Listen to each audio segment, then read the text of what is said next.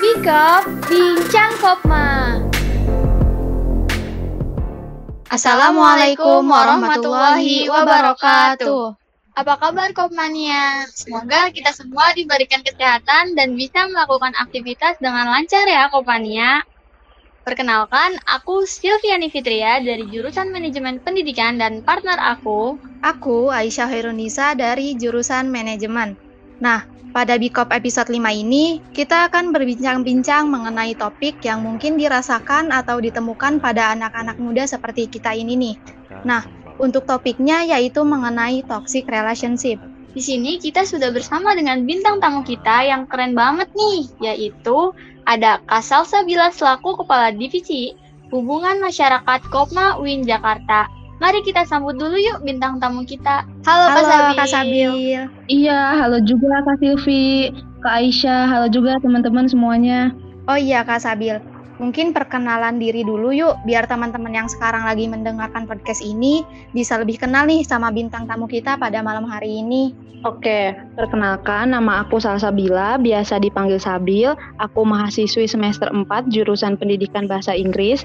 Aku di Kopma diamanahkan menjadi Kepala Divisi Humas tahun 2021. Salam kenal teman-teman. Salam kenal juga Kak Sabil. Salam kenal juga Kak Sabil. Oh ya Kak Sabil, gimana kabarnya nih Kak? Kalau kabar, alhamdulillah kabar aku baik banget nih. Cuman dompet aja yang lagi kurang baik karena nggak dapet uang jajan kan. Kalau Aisyah sama Kak Silvi sendiri gimana nih kabarnya? Alhamdulillah baik juga nih Kak. Alhamdulillah kabar baik. Oke, mungkin kita langsung masuk ke pokok pembahasan aja kali ya Kak. Karena mungkin teman-teman di sini udah pada gemes dan gak sabar banget nih buat dengerin tentang toxic relationship ini. Betul banget, Kak Aisyah topik yang kali ini akan kita bawakan sedikit out of the box nih. Pasti kopmania yang lagi dengerin pada nggak sabar. Jadi gini ya kak, pastinya kan di masa seperti ini para kaum muda seperti kita ini sedang masa-masanya bucin ya kak. Dan kebanyakan dari kita mungkin mengawali itu semua dengan pacaran atau nama lainnya lah gitu. Nah, tapi terkadang ketika seseorang telah mencintai pasangannya itu, Seolah-olah kita itu telah terhipnotis sehingga kita tidak menyadari apakah kita berada dalam hubungan yang baik-baik saja, aman, atau apakah kita berada dalam hubungan toksik, begitu kak. Nah mungkin sebelum itu di sini aku mau nanya nih, apa sih menurut kakak arti dari toxic relationship ini? Jadi toxic relationship kalau menurut aku ya, kita ambil dari kata toksiknya dulu deh, itu kan artinya racun. Udah pasti hubungan itu kan beracun racun itu kan sifatnya kayak gimana sih udah pasti merusak dong. Jadi hubungan ini tuh bisa merusak fisik maupun mental orang yang sedang menjalaninya. Nah, hubungan yang sehat itu kan pasti bikin kedua belah pihak happy, sama-sama merasa dihargai, dihormati, merasa diterima dengan baik juga. Sedangkan hubungan yang toksik tuh kebalikannya. Jadi hubungan ini tuh didominasi oleh perasaan yang tidak aman, egois, keinginan atau rasa ingin memegang kendali lebih dan merasa tidak dihargai. Dan ini hal yang nggak bisa dianggap remeh. Toxic relationship tuh menurut aku cukup bahaya dan harus diperhatikan. Nah, kalau menurut aku sendiri, untuk toxic uh, relationship itu sebenarnya bener banget nih kata Kak Sabil. Katanya hubungan yang beracun gitu ya. Nah, menurut aku juga sama gitu kan. Gak beda jauh sih pendapat aku sama dengan pendapatnya Kak Sabil kayak gitu uh, dari toxic relationship itu kadang tuh kita sebagai pasangan yang mempunyai uh, pasangan seorang pasangan tuh kadang kita nggak nyadar gitu kalau misalkan kita berada di posisi itu tanpa kita sadari gitu. Ya gak sih kayak gitu kan? Soalnya kadang juga emang namanya juga kita lagi buci-buci ya pasti mikirnya selalu positive thinking kayak gitu. Padahal mah tanpa kita sadari hal tersebut tuh toxic relationship gitu sih menurut aku kalau dari pendapat aku sendiri. Nah bener banget tuh dari Kak Sabil sama Kak Silvi. Kalau misalnya menurut pandangan aku sendiri, toxic relationship itu ya merupakan suatu hubungan yang dapat berdampak buruk pada kebahagiaan dan kesehatan mental seseorang. Jadi mungkin bisa dikatakan dalam hubungannya itu tidak saling mendukung satu sama lainnya, begitu Kak. Oke baik, Tadi kan udah dibahas mengenai pandangan dari Kasabil sendiri mengenai toxic relationship. ini. Nah, sekarang mungkin aku mau bertanya nih, Kak, dari pengalaman Kak Sabil sendiri, pernah gak sih ngalamin toxic relationship? Nah, bener banget nih, Kak Silvi. Zaman sekarang ini banyak banget nih yang ngalamin toxic relationship. Siapa tahu kan bintang tamu kita malam ini pernah nih ada di zona toxic relationship. Gimana nih Kak Sabil? Jujur kalau dari aku sendiri sih pernah ya ada di zona toxic relationship dan itu jujur rasanya nggak enak banget. Karena salah satu hal yang aku rasain tuh privasi kita tuh terganggu. Handphone, sosial media kita di kontrol penuh. Ini tuh salah satu bentuk kalau pasangan kita tuh nggak respect sama kita, nggak percaya sama kita. Kan nggak enak ya kalau misalnya HP kita tuh dibuka-buka, isi chat kita sama teman-teman dibacain sebagai cewek yang sering banget nih cerita dan bercanda sama teman-teman lewat chat tuh rasanya risih kalau misalnya curhatan kita dibacain gitu. Soalnya jujur aja nih ya, buat cowok-cowok, uh, lo tuh percuma nge-scroll isi chat pasangan lo sama temen cowoknya. Karena itu bener-bener percuma. Karena rahasia cewek itu kalau nggak di grup chat circle-nya ya ada di chat sama temen deketnya di situ tuh lengkap banget rahasia cewek ada di chat sama temen deketnya. Kalau dari aku pengalaman aku kayak gitu. Oh jadi mungkin ini bisa dikatakan salah satu contoh dari toxic relationship gitu ya kak? Yang di mana pasangan kita ini seperti tidak percaya dengan kita sebagai pasangannya. Mungkin rasa curiga terhadap pasangan itu wajar aja ya, tapi gak boleh berlebihan karena kan yang harus ada dalam hubungan itu rasa saling percaya dan dengan tidak saling mengkhianati begitu ya kak? Iya bener banget nih uh, menurut kak apa namanya tadi menurut kak Aisyah sama kak Sabil bener banget yang namanya hubungan toxic relationship tuh kita kayak nggak bisa bebas gitu gak sih? Kayak apa-apa tuh dipantau apa-apa tuh kita salah kayak gitu. Terus abis itu kita tuh jadi serba salah sendiri. Kita pengen deket juga kan sama teman-teman kita. Kita juga pengen curhat sama teman-teman kita jadi nggak bisa kayak gitu sih. Menurut aku juga sama banget. Soalnya aku juga pernah ngerasain kayak gitu. Waduh. Oke, mungkin setelah kita mendengarkan pengalaman pribadinya nih dari Kak Sabil tentang toxic relationship ini, kita penasaran nih Kak, gimana sih caranya Kakak menghadapi itu dan bagaimana caranya keluar dari zona toxic relationship tersebut. Iya nih kak, siapa tahu informasi dan tips dari kakak bisa bermanfaat untuk kopania di rumah supaya bisa terhindar dan lepas dari toxic relationship. Kalau dari cara aku sendiri sih ya, pertama ketika menghadapi hubungan ini sih intinya ketemu karena ketemu itu adalah komunikasi terbaik. Sampaikan mau kamu apa, lalu biarkan dia menyampaikan apa yang dia mau setelah itu kamu bisa mulai pahamin kira-kira hubungan ini masih bisa dipertahankan atau enggak sih. Kalau menurut kamu nggak bisa ya udah persiapin diri kamu aja. Meninggalkan atau ditinggalkan. Biasanya kalau habis putus gitu apalagi karena ada orang ketiga itu bikin kita insecure banget ya. Mikir salah kita apa? Apa gue jelek banget? Itu bahaya banget sih punya pemikiran kayak gitu. Kita jadi nggak bisa mencintai dan respect sama diri kita sendiri di saat kayak gini peran temen tuh berpengaruh banget. Mereka ngebantu kita nge-support kita nyemangatin kita. Intinya sih ya kalau mau keluar dari toxic relationship pertama itu harus berani pergi. Buat dia nggak bisa ngehubungin kamu lagi blokir semuanya. Biarin kamu mau dikatain childish atau kekanak-kanakan karena mainnya blokir. Udah biarin aja nggak usah peduli. Yang penting kesehatan mental kamu itu terjaga dan aku mau ngasih tips buat teman-teman yang mau terhindar dari toxic relationship. Uh, ketika kamu lagi deket sama seseorang, kamu harus punya pemikiran kayak gini. Gue bisa nggak ya kalau harus sama dia dalam jangka waktu yang lama? Gue tahan nggak ya dengan kebiasaan dan sifatnya? Kamu beneran harus mikirin ini. Uh, kalau kamu tuh bisa nerima dan tahan sama kebiasaan dan sifatnya. Tapi kalau misalnya nggak bisa, udah jangan dilanjutin aku ambil contoh kecil.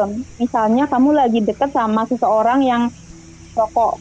Kamu ini nggak terbiasa sama asap rokok karena di rumah kamu nggak ada yang rokok dan ketika kamu ketemu asap rokok, kamu tuh batuk-batuk parah sampai sesak nafas gitu.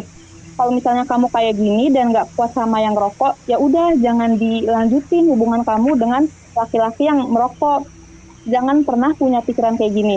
Aku bakal ngerubah dia buat berhenti ngerokok itu tuh namanya cari masalah sih kalau menurut aku karena orang tuh susah berubah karena orang lain orang itu bisa berubah karena dirinya sendiri. Kalau kamu maksain ini, hubungan ini tuh bakal jadi toksik. Kamu maksa dia berubah, terus dia juga nggak suka kan diatur-atur.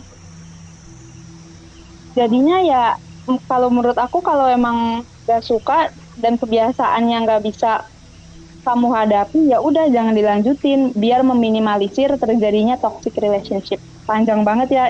Itu aja sih saran dan tips dari aku. Iya bener banget sih kak Sabil. Sumpah bener banget. Yang namanya toxic relationship itu membuat kita bener banget nggak percaya diri jadi insecure.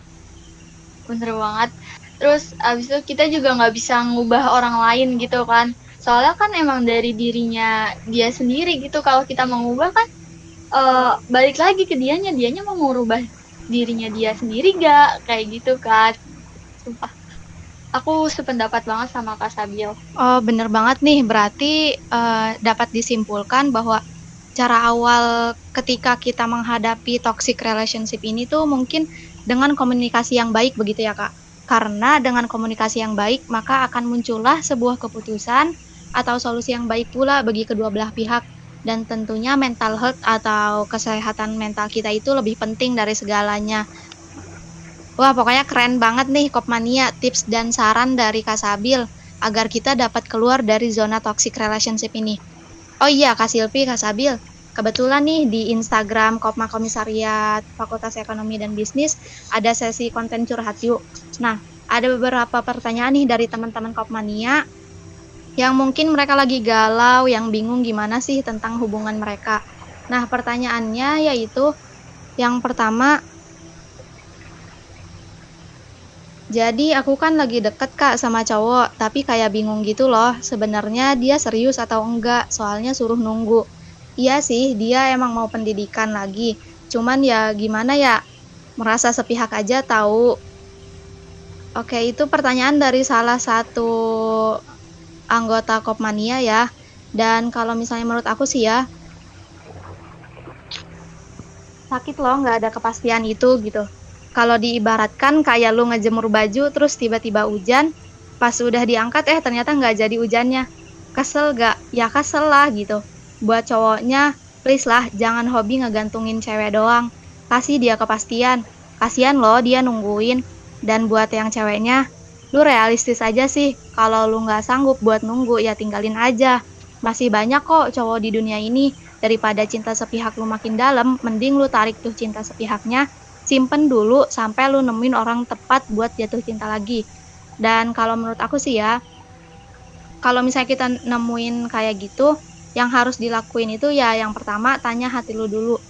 Beneran pengen sama dia atau hanya sekedar penasaran aja atau karena lagi kosong makanya dekat sama dia.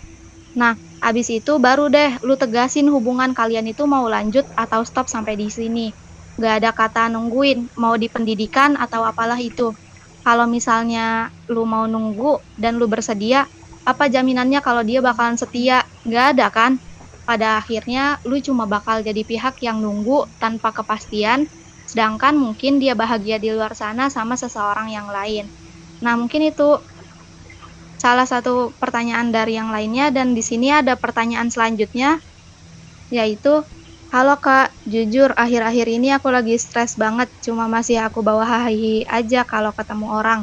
Aku kan pacaran dah lima tahun ya dari lima tahun ya dari aku SMP sama dia, terus aku tiba-tiba diselingkuhin dia sama temen kerjanya. Parahnya lagi yang bikin aku kaget banget kayak kesamber geledek siang-siang, mereka selingkuhnya selingkuhnya sampai si ceweknya hamil. Ih, udah mau gila aku sebenarnya kayak gini. Punya cowok ngehamilin cewek lain. BTW kita LDR kak sekarang. Dia sailor gitu. Gak nyangka aja hal kayak gini bakal kejadian sama aku. Biar gak stres, stres banget gimana ya kak. Aku udah minta mulu sama Allah biar hatinya ikhlas. Udah sibuk juga kan banyak tugas. Tapi masih suka batin gak, gak terima gitu. Ada saran gak kak? Terima kasih. Oke, kalau misalnya menurut aku sih ya, emang susah buat melepaskan sesuatu yang udah lama kita genggam itu. Pasti ada rasa kayak gak terima, marah, kesel. Jadi ya nggak apa-apa kalau masih terbersit rasa kayak gitu. Wajar sih, namanya juga manusia. Yang gak wajar tuh ketika kamu tahu dia selingkuh, yang di mana selingkuh ini adalah kegiatan berulang dan uh, gak ada jaminan dia bakal tobat dan kamu masih menerimanya, gak wajar. Kamu dibutakan oleh cinta sampai lupa kalau hatimu udah retak dan gak ada yang bisa nyatuinnya lagi kecuali kamu sendiri. Nah hatimu sekarang udah gak sama seperti yang sebelumnya. Tapi masa sih kamu sama sekali gak mau menyatukan potongan hatimu sendiri? Kan mustahil. Jadi sekarang lepaslah, gak usah diikhlasin juga gak apa-apa. Nanti juga seiring berjalannya waktu, kamu bahkan paham kalau hal tertentu hal kayak gitu tuh gampang gitu buat dilupain. Nah mungkin untuk uh, selanjutnya pertanyaan-pertanyaan dari Kak Silvi mungkin. Oke, terima kasih Aisyah.